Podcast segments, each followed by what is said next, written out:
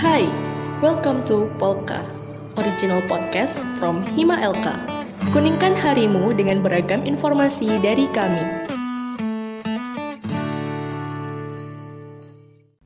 Assalamualaikum warahmatullahi wabarakatuh. Salam sejahtera bagi kita semuanya. Om Swastiastu, Namo Buddhaya, Salam Kebajikan. Bersama lagi di Polka, Podcast LK, bersama dengan saya, Rafli Herdiansyah. Dan saya, Adelia Putri Salsabila. Saat ini kita berada di Polka, Podcast LK, episode ke-6. Nah, kali ini, iya benar. Kali ini tuh kita membahas apa, Put? Ya, kali ini kita membahas mengenai topik yang menarik nih, Rafli, bagi mahasiswa, khususnya untuk mahasiswa tingkat akhir. Walaupun sekarang kan masih di semester ganjil, tetapi mahasiswa akhir itu uh, sudah saatnya untuk mempersiapkan diri, mempersiapkan tugas akhirnya nih, Put. Iya, bener banget nih, Rafli. Nah, uh, tidak hanya di uh, untuk mahasiswa semester akhir sih, tapi mungkin uh, mahasiswa yang sekiranya uh, berada di kelas tiga nih ya untuk yang di iya. D4 ini put ini juga sudah iya. mulai ditanya-tanya nih sama dosen. iya betul banget nih. Udah nah kamu gimana put ini? Uh, kalau dari aku sih wali dosenku itu udah nyuruh mikir buat judul TA ke depannya itu apa gitu. Jadi mulai dipersiapkan dari sekarang sih. Kalau Rafli gimana? Nah, bener Put, aku juga ditanya oleh dosen ya, uh, itu mengenai judul sih, judul atau topik uh, tugas akhir yang mau dibawakan begitu, walaupun di kelas 3 ya, di tingkat 3 ini, tetapi uh, tugas akhir ini sudah mulai ditanyakan nih Put, karena memang iya. uh, katanya persiapannya tuh harus matang begitu. Matang, uh, betul. Nah, untuk uh, lebih jelasnya ya kita telah mengundang Mas Andre nih. Iya. Nah, Mas Andre ini itu tahun ini akan lulus nih wisuda nih. iya udah. Nah, kenapa kita undang Mas Andre? Karena saat uh, final project competition tahun ini itu Mas Andre itu meraih juara satu uh, eh, FPC ya tingkat prodi yeah. D4 Teknik Elektronika yang D4 ya nih. Nah, yeah. Mas Andre ini juga uh, pernah menjadi ketua HIMA LK periode 2019-2020 nih, Put. Iya, bener banget nih, Rafli. Nah, Mungkin... kita langsung sapa aja yeah. nih Mas Andre. Halo Mas Andre, selamat malam. Halo Mas Andre. Halo semuanya, selamat malam. Assalamualaikum. Sehat semuanya kan ya? Alhamdulillah. Alhamdulillah sehat Mas. Mas Andri gimana nah, kabarnya? Alhamdulillah masih diberi kesempatan untuk berjuang. berjuang apa ini Mas Andri? Ya, karena setelah lulus kan masih ada tahapan kehidupan berikutnya gitu. Jadi nah, bukan karena sekarang udah lulus sudah santai-santai gitu. Nah, benar sekali ini.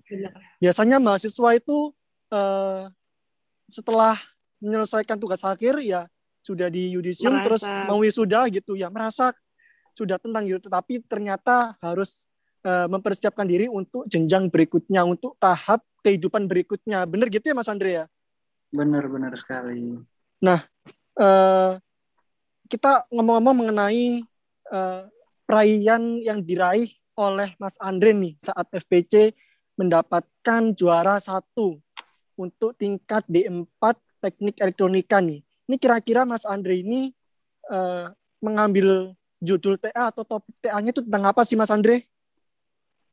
Oke oke terima kasih atas pertanyaannya ya. Jadi di sini mungkin agak sedikit kaget teman-temanku ataupun adik kelas yang mungkin mendengar kalau aku menjadi juara satu FPC tingkat prodi D4. Dan di sini pun aku juga kaget juga kenapa kok bisa menang. Tapi mungkin sedikit cerita buat kalian. Kita kembali lagi ke konsep dasar mahasiswa di mana mahasiswa adalah solusi dari permasalahan masyarakat yang ada. Oleh karena itu di topik proyek akhir yang aku ambil kemarin itu tercipta dari permasalahan yang ada di kotaku sendiri di Lumajang, yaitu di mana Lumajang ini adalah sebuah kota agraria ataupun agriculture di mana menjadi produsen pisang terbesar di Jawa Timur. Sehingga produk pisang di Lumajang itu sudah tidak usah diragukan lagi lah. Nah, tapi setelah saya survei ke petani-petani pisang, ternyata masih ada permasalahan di sana, yaitu pisang pasca panen itu umurnya sangatlah apa ya, sangatlah sedikit ataupun sangat pendek, sehingga pisang-pisang di Lumajang ini nggak bisa diekspor ke luar Jawa ataupun ke luar negeri. Oleh karena itu, di sini saya mengambil topik bagaimana saya membantu petani yang ada di Lumajang untuk bisa mengekspor, mendistribusikan pisang Lumajang ke luar Jawa, ke seluruh Indonesia ataupun mengekspor ke luar negeri. Seperti itu. Jadi alat TA saya saya perjelas lagi ya. Alat saya itu berjudul Rancang Bangun Alat Perpanjang Usia Simpan Pisang Metode Fazi berbasis Android. Seperti itu. Jadi temanya tetap di pertanian sih kalau ke tema pembahasannya. Kalau boleh tahu nih Mas Andre, eh, tahapan yang dilakukan hingga terselesaikan tugas akhirnya itu apa aja sih Mas? Untuk tahap-tahapannya mungkin teman-teman udah pernah dikasih spoiler deh kayaknya. Ya sama kayak awalnya kita SPPA, pengajuan judul, yang kedua PA1, progres, dan minimal itu mekanik sudah selesai, dan PA2 sudah pengajuan data sistem yang sudah selesai, seperti itu. Ya mungkin aku ya tetap mengikuti proses-proses seperti teman-teman lainnya. Ya mungkin aku mengakui di sini prosesku mungkin agak tersendat karena memang ada beberapa jalan pilihanku selama aku kuliah ini gak selalu fokus ke akademik kayak gitu. Jadi prosesnya ya sama seperti yang lainnya lah, belajar, belajar. Ya mungkin juga ada bantuan dari adik kelas juga, teman-teman. Karena bisa disadari kan emang kita makhluk sosial ya, nggak selalu superior bisa sendiri jadi aku juga beruntung teman-temanku bisa bantu juga gitu tahapannya sih seperti itu sih SPPA PA1 PA2 dan selesai oke nah untuk mendapatkan topik atau judul TA yang uh, Mas Andri bawakan itu itu sudah terpikirkan sejak kapan nih Mas Andri oke ya mungkin ini sih yang paling banyak ditanyain walau sebelum podcast ini ya ke aku ya. Mungkin teman-teman nggak percaya tapi ini cerita nyata yang aku alami. Mungkin aku juga sama seperti kalian di semester 5 itu sudah gupuh sebelum KP itu udah gupuh apa sih yang bisa tak angkat waktu magang? Aku nyari apa waktu magang? Bisa dapat judul nggak waktu magang? Kan kebanyakan juga teman-temanku itu dapat judul TA itu sewaktu dia magang. Entah waktu di Migas ataupun di Wilmar dan lain-lain. Tapi di sini jujur aku dapat judul TA itu waktu mendekati SPPA. Jadi ceritanya gini, kan kemarin waktu aku SPPA itu sudah masuk ke masa pandemi. Nah, itu otomatis aku udah di Lumajang kan, di kota asalku di Lumajang dan aku juga ya berjualan di situ. Nah, koordinatorku kan Pak Hendi nih. Koordinatorku Pak Hendi tiba-tiba itu membuat grup grup SPPA LK 2017. Kaget dong. Wah, kok udah ada grup tapi aku masih belum punya masih belum punya judul gitu kan. Nah, itu kalau nggak salah itu sudah hamin dua minggu deh, hamin dua minggu SPPA. Dan itu aku masih belum dapat judul. Nah, seiring berjalannya waktu, seiring berjalannya waktu, karena jualan sih mungkin apa namanya topik itu bisa aku dapetin dan aku dapat judul itu kalau nggak salah itu Hamin 5 itu baru kepikiran terus Hamin 4 besoknya itu langsung nelpon pembimbingku yaitu Pak Ardi Ujayanto dan alhamdulillah beliau setuju tentang topikku yang tak bawa yang sudah saya jelaskan tadi di awal. Jadi gitu sih. Jadi waktu jualan tuh aku lihat pohon pisang di latar rumah gitu loh. Jadi kayak ada pikiran dikit langsung ya udah ambillah timbang daripada gak SPPA gitu loh. Sebenarnya sih itu sih untuk cerita awalnya kenapa aku bisa dapat judul. Terbesit dari pohon pisang yang ada di teras bukan di latar rumahnya seseorang waktu aku jualan nyari-nyari nyari-nyari peluang yang ada ternyata ada dan di kon, apa didiskusikan dengan pembimbing dan alhamdulillah disetujui waktu SPPA seperti itu. Tapi ini gak, gak patut ditiru sih. Harusnya kalian udah bisa mempersiapkan. Oke. Okay. Jadi Mas Andre dapat inspirasinya dari pohon pisang waktu jualan itu ya, Mas? Benar, benar sekali. Ya. Uh, lalu uh, di sini masih banyak nih Mas mahasiswa yang bingung untuk mengambil judul tugas akhir. Nah, dari Mas Andri sendiri ada nggak sih tips dan triknya buat kita? Oke, tips dan trik ya. Ya yeah. mungkin di sini apa yang bisa aku kasih ke kalian tuh apa ya? Be yourself lah. Maksudnya be yourself tuh jadi diri kalian sendiri, jangan kalian memberatkan diri kalian sendiri gitu. Kuliah udah berat, karena apa? Karena kalian di sini buat ngerjain PA, kalian itu masih kuliah. Jadi gak gak murni fokus ke proyek akhir kalian gitu Jadi ambil proyek akhir yang memang sesuai passion kalian. Gak usah, bukan gak usah mikir ke depannya PA kalian bakal dipakai lagi atau enggak. Yang penting kan di sini bagaimana kalian suka melakukan ataupun suka meneliti proyek akhir kalian sendiri kayak gitu. Jadi karena mungkin pada dasarnya aku juga simple aku gak pengen yang sulit-sulit gak apa ya gak ngambil kayak program website dan lain-lain. Karena emang aku sadar diri aku passionku tuh bukan di perihal coding tapi di perihal yang lain gitu jadi saranku ke teman-teman pilihlah judul yang tidak memberatkan dirimu sendiri. Dan yang kedua mungkin ini mungkin banyak sih yang yang udah tersebar di kalayak umum, mungkin teman-teman banyak yang ikut dosen kan. Biasanya kan ada dosen yang menawarkan judul. Mungkin bagi sebagian orang, kalau udah kepepet, itu adalah pilihan terbaik. Tapi kalau buat aku, kembali lagi ke kemampuan diri masing-masing terlebih dahulu. Mungkin kalau pakai judul dosen, mungkin otomatis aman di SPPA. Latar belakang pasti ada, tujuan pasti ada, dan semuanya sudah tersedia. Tapi setelah SPPA itu, kalian harus bekerja lebih keras lagi. Effort kan lebih keras lagi. Ya mungkin itu sih. Kalau menurutku banyak banget sih tips and trick yang bisa kalian lakukan bisa dengan meneruskan atau mengino, berinovasi di proyek akhir kakak kelas kalian yang telah lalu. Kayak gitu. Jadi tips and triknya sesuai dengan kemampuan kalian lah. Jangan dipaksakan gitu Nah, oke. Okay. Selain itu mungkin juga itu ya Mas ya, kita juga bisa melihat di sekitar kita itu apa sih kira-kira yang uh, dibutuhkan ya barang, barangkali oleh masyarakat gitu Mas. Itu juga salah satu faktor yang bisa kita ambil untuk uh, judul TA ya kan Mas ya? Ya benar benar benar sekali. Mungkin kamu waktu di rumah tanya ke ibumu, Bu, ada masalah apa di rumah? Ikile misal ada gorengan yang mencolot-mencolot, ya gimana caranya buat alat biar gorengan nggak mencolot ya. Permasalahan pasti ada di sekitar kita gitu. Nah, walaupun terlihat simple gitu, tetapi itu juga bisa uh, bermanfaat bagi masyarakat dan memang itulah yang dibutuhkan oleh masyarakat dan bisa juga bisa kita ambil sebagai topik atau judul TA gitu ya Mas Andre ya. Iya benar sekali. Oke. Nah selain uh, mahasiswa itu bingung juga Mas apa namanya terkait dosen pembimbing ini mas. Nah ini sudah dapat judul TA-nya, tetapi ini dosen pembimbingku siapa ya gitu. Nah itu gimana sih mas untuk bisa mendapatkan dosen pembimbing yang tepat begitu? Oke, berarti masalah dosen pembimbing ya.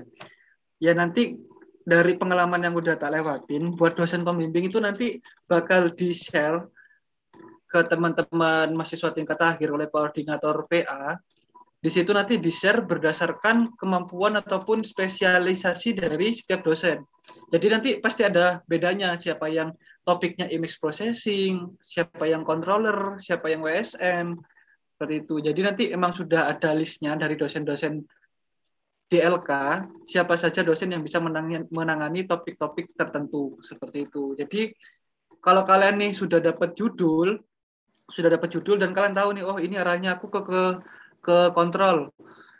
Nah, kalau ke di sistem kontrol seperti sistem fuzzy dan lain, berarti ke dosen yang bisa kontrol. Nah, salah satunya kan aku kan juga fuzzy nih ke sistem kontrolnya. Jadi aku milih Pak Ardi Wijayanto.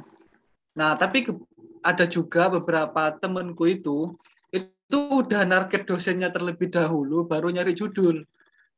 Kayak pengen apa dosen pembimbingnya pengen Pak Arif Irwansyah karena karena apa namanya labnya beliau ada di PS enak adem gitu loh. Fasilitas lengkap monitor disediakan dari lain. Biasanya ada yang seperti itu. Jadi oh Pak Arif ini sistem apa pengolahan citra. Berarti gimana caranya aku bisa dapat judul pengolahan citra? Itu ada juga seperti itu. Tergantung kalian lah di sini. Enaknya kalian bisa serak sama dosen yang mana. Tapi tenang aja, jangan khawatir. Semuanya pasti sudah dibagi kok sama dosen apa namanya, sama koordinator PA. Tapi juga kalian jangan meremehkan sih, harus cepet-cepetan juga sih. Biasanya ada dosen favorit lah di LK gitu. Oke, nah setelah kita mendapatkan dosen pembimbing nih Mas, hal yang perlu kita perhatikan saat uh, melakukan bimbingan dengan dosbing itu apa sih Mas? Nah, ini ini pertanyaan yang menjebak deh kayaknya. masalah bimbingan ya. Mungkin iya. Kalau masalah bimbingan nih kalau di keadaan offline itu enak. Setiap hari dosennya ke kampus ya. Mahasiswanya ke kampus sama-sama punya kepentingan. Nah, tapi kalau di era pandemi, di era online ini mungkin apa ya? Saranku sih ingat sama pembimbing sih diingat aja kalau kalian itu mahasiswa akhir yang punya pembimbing gitu. Karena kebanyakan di sini kan dosennya ini kan juga jarang ke kampus. Maksudnya semuanya serba online dan lain. Dan yang perlu kalian ingat di sini adalah dosen itu gak sama kayak guru. Di mana yang butuh, di mana yang butuh akan pembelajaran itu itu adalah kalian gitu kalau kalian iya, iya. TA tidak menghubungi dosen, ya niscaya dosen juga tidak akan mencari kalian. Jadi kalian timbal baliklah sama dosennya lah, gitu. Tapi dari pengalamanku sendiri sih aku aku sih jarang bimbingan sih. Emang aku aku aku jarang bimbingan.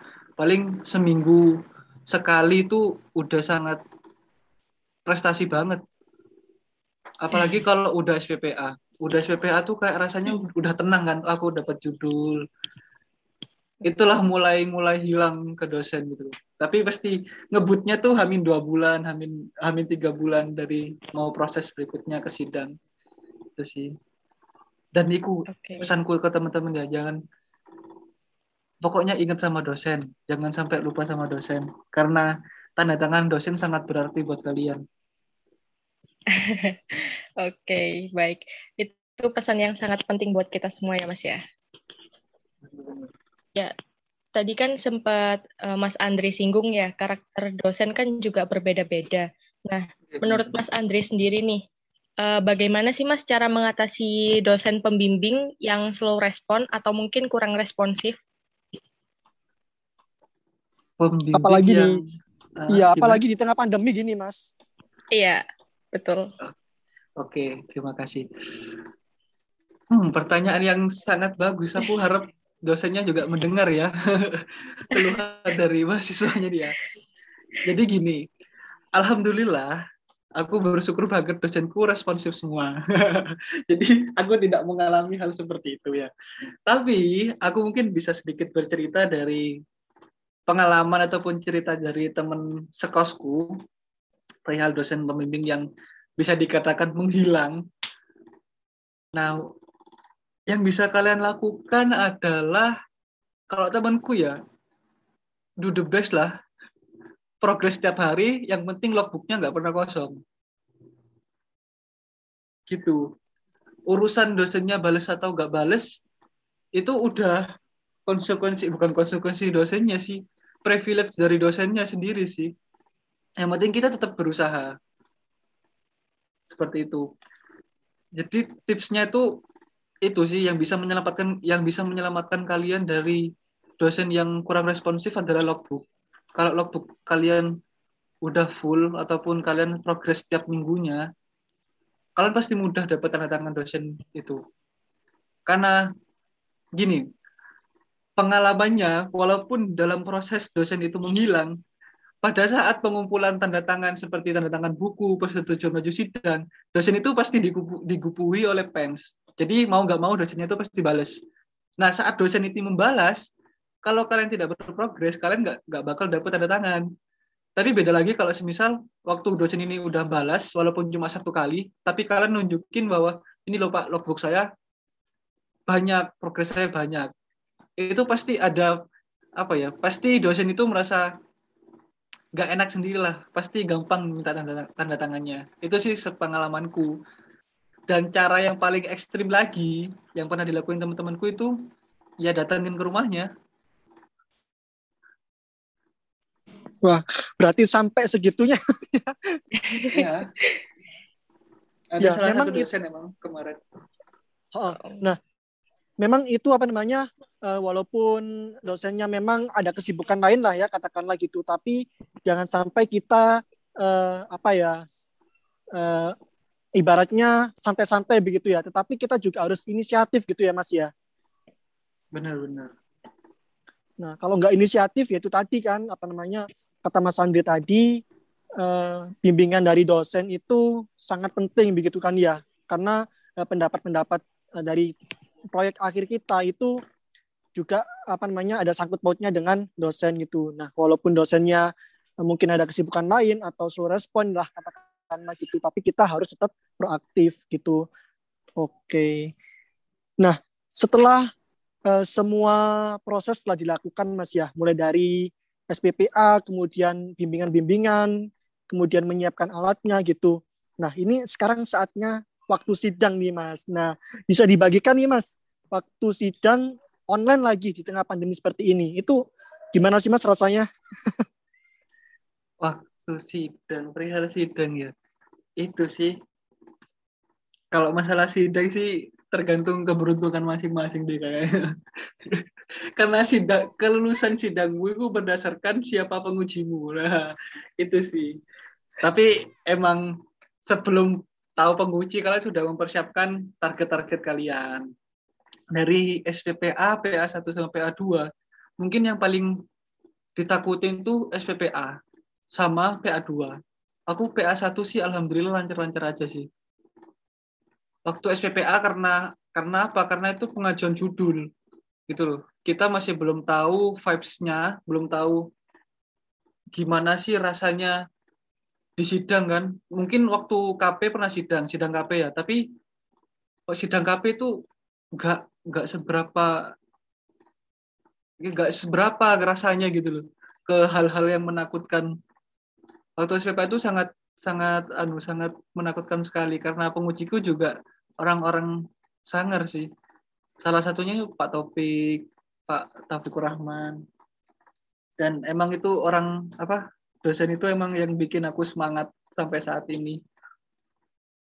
Gitu. Terus untuk PA 1 itu kan sidang progres satu. Nah mungkin tak kasih tips tapi emang nanti juga pasti dikasih tahu sama dosen pembimbing kalian. Buat PA 1 kalau nggak salah itu minimal progres kalian itu sudah jadi mekanik. Mekaniknya sudah jadi hardware-nya sudah jadi. Walaupun kalian masih belum ambil data loh ya. Karena pada aku sendiri sudah membuktikan. Pada PA1 aku cuma berbekal desain mekaniku dan juga hardwareku yang aku pasang di alatku. Walaupun data dan program masih belum dilakukan tapi itu alhamdulillah udah lolos dengan pujian. Gitu loh. Jadi ini tips buat kalian yang pengen lolos dengan pujian hardware-nya diselesaikan dulu aja kalau PA1 yang penting udah selesai dulu PA-nya tampak. Nah bisa dilihat oleh dosen-dosen. Nah itu mungkin saranku.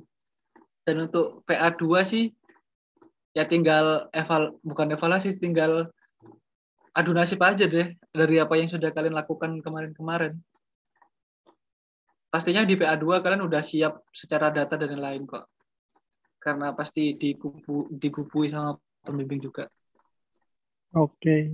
Ini semakin menarik nih Put. Soalnya seluruh proses tahapan sudah dipaparkan oleh Mas Andri nih kasih bocorannya nih mulai dari Iya. apa namanya SPPA ya kan bimbingan dosen PA1, kemudian PA2. PA2 nah, ini sudah dikasih Iya. bocorannya ini ini mahasiswa tingkat akhir nih harus benar-benar memperhatikan podcast kali ini nih soalnya sangat membantu sekali biar eh, tahapan-tahapannya berjalan dengan lancar soalnya ini Mas Andri nih lulus dengan pujian PA1 oh Jangan TA1 salah aja. PA1 aja lulus dengan pujian PA2 nya Nggak ya apa-apa. lulus dengan jualan aku nggak masalah kan tapi kan itu Mas ini coba apa namanya perayaan yang sangat luar biasa nih soalnya. Apa namanya? Di tengah pandemi ini kan situasinya kan sangat berbeda saat uh, di luar pandemi ya Mas seperti biasanya itu offline begitu. Nah, banyak tantangan yang harus dihadapi saat mengerjakan proyek akhir di tengah pandemi. Nah, kalau sudah mendapatkan apa namanya uh, perayaan seperti itu itu sangat luar biasa dan harapannya nih uh, mahasiswa tingkat akhir atau bahkan uh, tingkat tiga nih ya yang di di empat itu bisa uh, apa namanya terus iya. bersemangat itu put. Oke, nah iya, sekarang sekali, Raffi. Iya, ini setelah Mas Andre uh, selesai mengerjakan tugas akhirnya nih, ini motivasi diri dari Mas Andre. Selepas itu apa sih, Mas? Motivasi diri untuk apa nih? Maksudnya nih, setelah aku lulus dari Set PENS? Iya, atau... benar. Setelah apa namanya lulus dari jenjang perkuliahan ini, ini apa ini kira-kira yang sudah dipersiapkan oleh Mas Andrin? Ya, alhamdulillah setelah lulus dari PEDS sudah tidak menyandang gelak, sudah tidak menyandang status mahasiswa lagi. Motivasi sekarang apa ya? Ya mungkin sama seperti lulusan lulusan yang lainnya. Pasti sekarang mempersiapkan buat mencari kerja sih. Tapi aku boleh sedikit cerita nggak nih? Boleh mas, silakan mas. Nah. Bagi-bagi mas sama teman-teman. Nah, bukannya bukannya apa ya? Bukannya bicara bicara di luar ini ya. Tapi aku pernah dicat oleh salah satu pengujiku kemarin. Jadi DPA 2 tuh aku aku udah tadi udah bilang kan ya DPA 2 itu aku lulus dengan jualan. Maksudnya jualan tuh emang alatku ini kan seharusnya bisa dijual. Nah, lucunya tuh waktu aku udah lulus terus minta tanda tangan revisi ke dosen pembimbing revisiku tuh jualan. Jualan pisang yang diproses gitu loh. Nah lucunya tuh waktu aku naik waktu dosennya tuh nanya seperti kalian yang tanyakan sekarang Andre sudah ini mau ngapain? Insya Allah saya mau kerja pak gitu kan di salah satu perusahaan yang emang ditargetkan. Loh kok? Dan dosen itu bilang loh kok kerja sih aku bingung ya. Lah masuk aku nggak boleh kerja sih? Kan jadi bingung masa lulusan gini mau jadi pengangguran. Iya.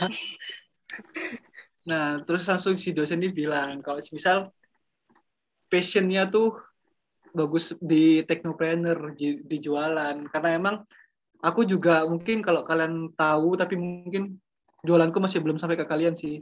Di, jadi waktu aku kuliah itu aku sudah memulai usaha di mana aku usaha di bidang makanan kan. Jadi beberapa dosen emang sudah tahu kalau emang aku suka berjualan di waktu aku masa kuliah. Seperti itu. Jadi kayak aku tuh diarahkan kalau bisa tuh jangan bekerja tapi membuka lapangan pekerjaan, tak aminin aja gitu lah. Jadi sampai sekarang pun masih bingung mau ngelamar pekerjaan atau emang pengen fokus buat ngebangun startup yang ada gitu loh. Karena emang di sini aku dan teman-teman kosku udah punya tekad sih, punya komitmen buat apa ya, buat nyalurin kemampuan kita sesuai dengan bidangnya masing-masing. Karena temanku ada yang coding dan lain. Aku aku emang sadar diri aku cuma bisa marketing, aku cuma bisa menawarkan hal-hal ke seseorang, produk-produk ke seseorang. Nah, pengennya tuh bikin startup apa ya house software gitu loh. Kita buat software-software yang dibutuhkan oleh masyarakat sekitar. Jadi buat ke depannya nih, insya Allah sebelum sebelum dapat panggilan pekerjaan, mungkin masih fokus di startup itu sendiri. Itu sih. Buat motivasinya sih, karena saat ini sudah tidak ada yang membiayai hidup, kosan, makan dan lain, kita harus tetap bekerja keras. Karena corona tidak membayar kita, bos, gitu. Nah, ini yang penting. Oke, Mas, saya mau tanya lagi nih ya seputar tadi itu olahan pisang itu maksudnya uh, pisang tersebut itu diolah dengan alat buatan TA-nya Mas Andre begitukah? Oke, seputar alat TA ya. Jadi iya, alat TA, jadi alat TA aku itu memperpanjang usia simpan pisang. Jadi maksudnya gimana? Jadi secara umumnya pisang itu bakal busuk setelah tujuh setelah 6 sampai 7 hari dipotong dari pohon. Dan untuk pengiriman sendiri kalau kita mau ekspor ke luar kota ataupun ke luar negeri itu waktunya tuh sangat panjang gitu loh dari proses pengepakan, pengiriman, terus pembongkaran dan lain. Jadi membutuhkan waktu yang lebih lama lagi. Takutnya kalau misal tidak ada tidak ada apa ya, tidak ada perlakuan yang istimewa atau perlakuan khusus, pisang itu bisa-bisa busuk terlebih dahulu sebelum sampai tempat tujuan. Nah, alatku ini alatku ini menggunakan bahan kimia yaitu kalium permanganat di mana itu bisa narik bukan narik sih bisa ngikat etilen sehingga etilen tidak bekerja pada pisang sehingga pemasakan pisang itu bisa ditunda seperti itu. Nah untuk metodenya pakai metode fazi dan inputnya hal-hal yang mempengaruhi pisang itu eh, seperti PA lagi aku ya di interogasi kalian. Iya apa mas ini biar dapat insight-nya mahasiswa tingkat akhir nih. Oke oke oke. Jadi nge-review lagi aku ya. Jadi untuk inputnya sendiri tuh dari hal-hal yang mempengaruhi percepatan pisang. Pisang itu bisa cepat masak kalau yang pertama itu dari suhu, kelembapan dan tingkat kematangan. Itu. Jadi inputnya dari hal-hal tersebut semakin panas suhu ruangan pisang, semakin cepat pisang itu nanti matang. Gitu. Tapi aku di sini tidak meng mengontrol suhunya. Jadi kalau panas di aku dinginin atau dingin aku netralin, enggak, enggak seperti itu. Jadi suhu ini cuma sebagai input. Outputnya adalah banyaknya kalium permanganat yang aku berikan kepada pisang. Seperti itu. Jadi suhu, kelembapan, dan tingkat kematangan pisang itu cuma sebagai input untuk var, untuk variabel fazinya gitu. Mungkin itu sih secara singkatnya. Nah, berarti kalau alat tersebut dikembangkan lagi nih, itu bisa dapat sisi komersilnya gitu ya Mas Andre ya?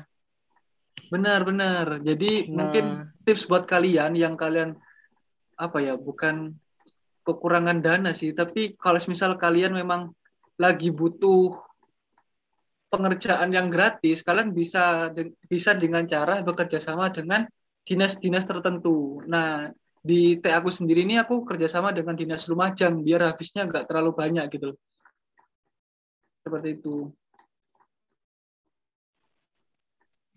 Oke, sangat menginspirasi sekali ya tugas akhirnya Mas Andre kali ini. Iya, ya, sangat uh, menginspirasi. Bener. Oke, tahun ini kan Mas Andre uh, akan wisuda ya Mas. Nah, ada nggak sih Mas pesan khusus nih untuk kita semua atau khususnya untuk mahasiswa yang saat ini berada di tingkat akhir. Oke, terima kasih buat teman-teman atas waktunya, waktu yang aku tunggu-tunggu sih. Karena emang cuma di sini aku dapat bicara dan bisa didengarkan oleh teman-teman yang lain. Walaupun ada band yang selalu nemenin aku, tapi kan kesalahanku tidak cuma sama band, tapi ke teman-teman juga. Jadi aku di sini berbicara sebagai tamu undangan dan juga mungkin apa ya demisioner Kahima. Aku di sini pengen minta maaf terlebih dahulu buat teman-teman seperjuanganku waktu di periodeku dan juga teman-teman yang mungkin sudah mengikuti program-programku di saat periodeku. Antara kalian bisa mengambil hikmahnya ataupun masih ada apa ya mangkel-mangkelnya ke aku mungkin di sini yang bisa aku ucapin aku minta maaf tapi buat teman-teman sekalian di sini aku berterima kasih juga karena sudah apa ya kebanyakan motivasi yang lainnya itu datang di pihak eksternal dari kalian-kalian sendiri gitu loh. Karena aku punya adik-adik tingkat dan lain, jadi aku pengen bagaimana aku itu bisa memotivasi kalian, walaupun memang nggak sepenuhnya bisa memotivasi, memotivasi kalian. Dan pesan-pesanku ke kalian di sini, di sini kita untuk bertatap, bertatap muka itu udah sulit banget. Jadi bagaimana kalian mempertahankan teman-teman kalian, mempertahankan hubungan kalian yang sudah kalian buat selama ini di saat kalian masih menjadi mahasiswa baru sampai sekarang kalian ingin lulus gitu loh. Usahakan berapa yang masuk ke LK itu adalah orang yang keluar saat kalian lulus. Terkecuali orang-orang yang sudah pindah ke lain hati pada sebelumnya gitu loh. Jangan sampai teman ada teman kalian yang apa ya menyerah gitu loh karena nggak punya teman dan lain-lain karena kondisi pandemi aku nggak nggak bisa teman kalian nggak bisa ngerjain dan lain aku harap itu nggak terjadi gitu loh buat teman-teman adik tingkatku sebelum ini di angkatan 2018 yang sekarang menghadapi TA dan juga 2019 juga ya setelah ini yang akan menghadapi TA juga. Intinya sayangi teman-teman kalian, terus berkabar ke teman-teman kalian, tetap support teman-teman kalian karena teman itu menurutku segalanya gitu. Entah teman kalian itu adik kelas kalian atau sekelas kalian atau lain kelas. Yang penting siapa pun yang kenal sama kalian diharapkan menjaga hubungannya satu sama lain. Karena mereka yang bakal membantu kalian untuk ke depannya. Gitu. Jangan mempermasalahkan atau jangan menakutkan apa yang akan terjadi di esok hari. Tapi kalian harus bekerja dan ikhlas penuh hati untuk hari ini gitu. Mungkin itu saja sih. Aku udah gak bisa ngasih quotes quotes sih. Udah diambil okay. dari semua quotes quotesnya. nah itu tadi uh, motivasi nih ya secuplik yeah. harapan dari Mas Andre ya yang pernah menjabat sebagai Ketua Himpunan Mahasiswa Teknik Elektronika periode 2019-2020. Nah, ini pesannya sangat menyentuh nih Put ya.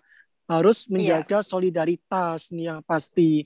Walaupun menjaga di tengah pandemi seperti lain. ini, menjaga satu sama lain hmm. Put. Jadi jangan sampai kita meninggal apa ya kok meninggal? Ya jangan sampai kita teman-teman kita itu kita abaikan begitulah ya. Yeah. kita ajak bareng-bareng maju bersama ya mewujudkan cita-cita juga bersama masuk bersama keluar juga bersama-sama gitu juga. kata pesan iya Mas Andre, Mas seperti itu. Nah Benar-benar. kita sepertinya sudah di penghujung ah, episode iya ke-6 kali ini Putri. Iya cepat banget ya nah tapi walaupun kita terbatas oleh waktu, tetapi tadi Mas Andre sudah memberikan banyak sekali ya eh, pesan-pesan, kemudian tips and trik, ya kan, motivasi-motivasi yang bisa menjadi uh, apa ya cerminan buat ke depannya mahasiswa teknik elektronika begitu. Teman-teman aku boleh motong bentar gak?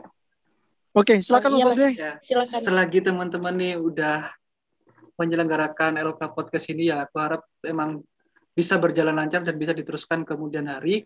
Aku mungkin juga mau bilang ke teman-teman aku mau promosi ke kalian karena emang aku harap ini adalah sebuah apa ya bisa menjadi informasi buat kalian yang mungkin nanti punya adik dan lain.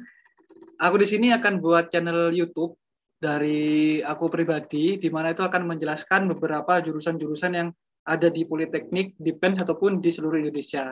Jadi mungkin buat kalian yang nantinya punya adik yang bingung mau kuliah di mana, nanti bisa bisa aja kalian mengulik informasi dari buku itu ya. Mungkin nanti bisa di follow di Andre Uhu channel aja. Ya mungkin sekian dari aku sih. Terima kasih buat teman-teman yang udah mengundang ya. Oke Mas Andre, jangan lupa nih di follow Andre Uhui gitu. Ini karena kontennya sangat menarik ya, membedah dan jurusan, sangat menginspirasi nih Rafli.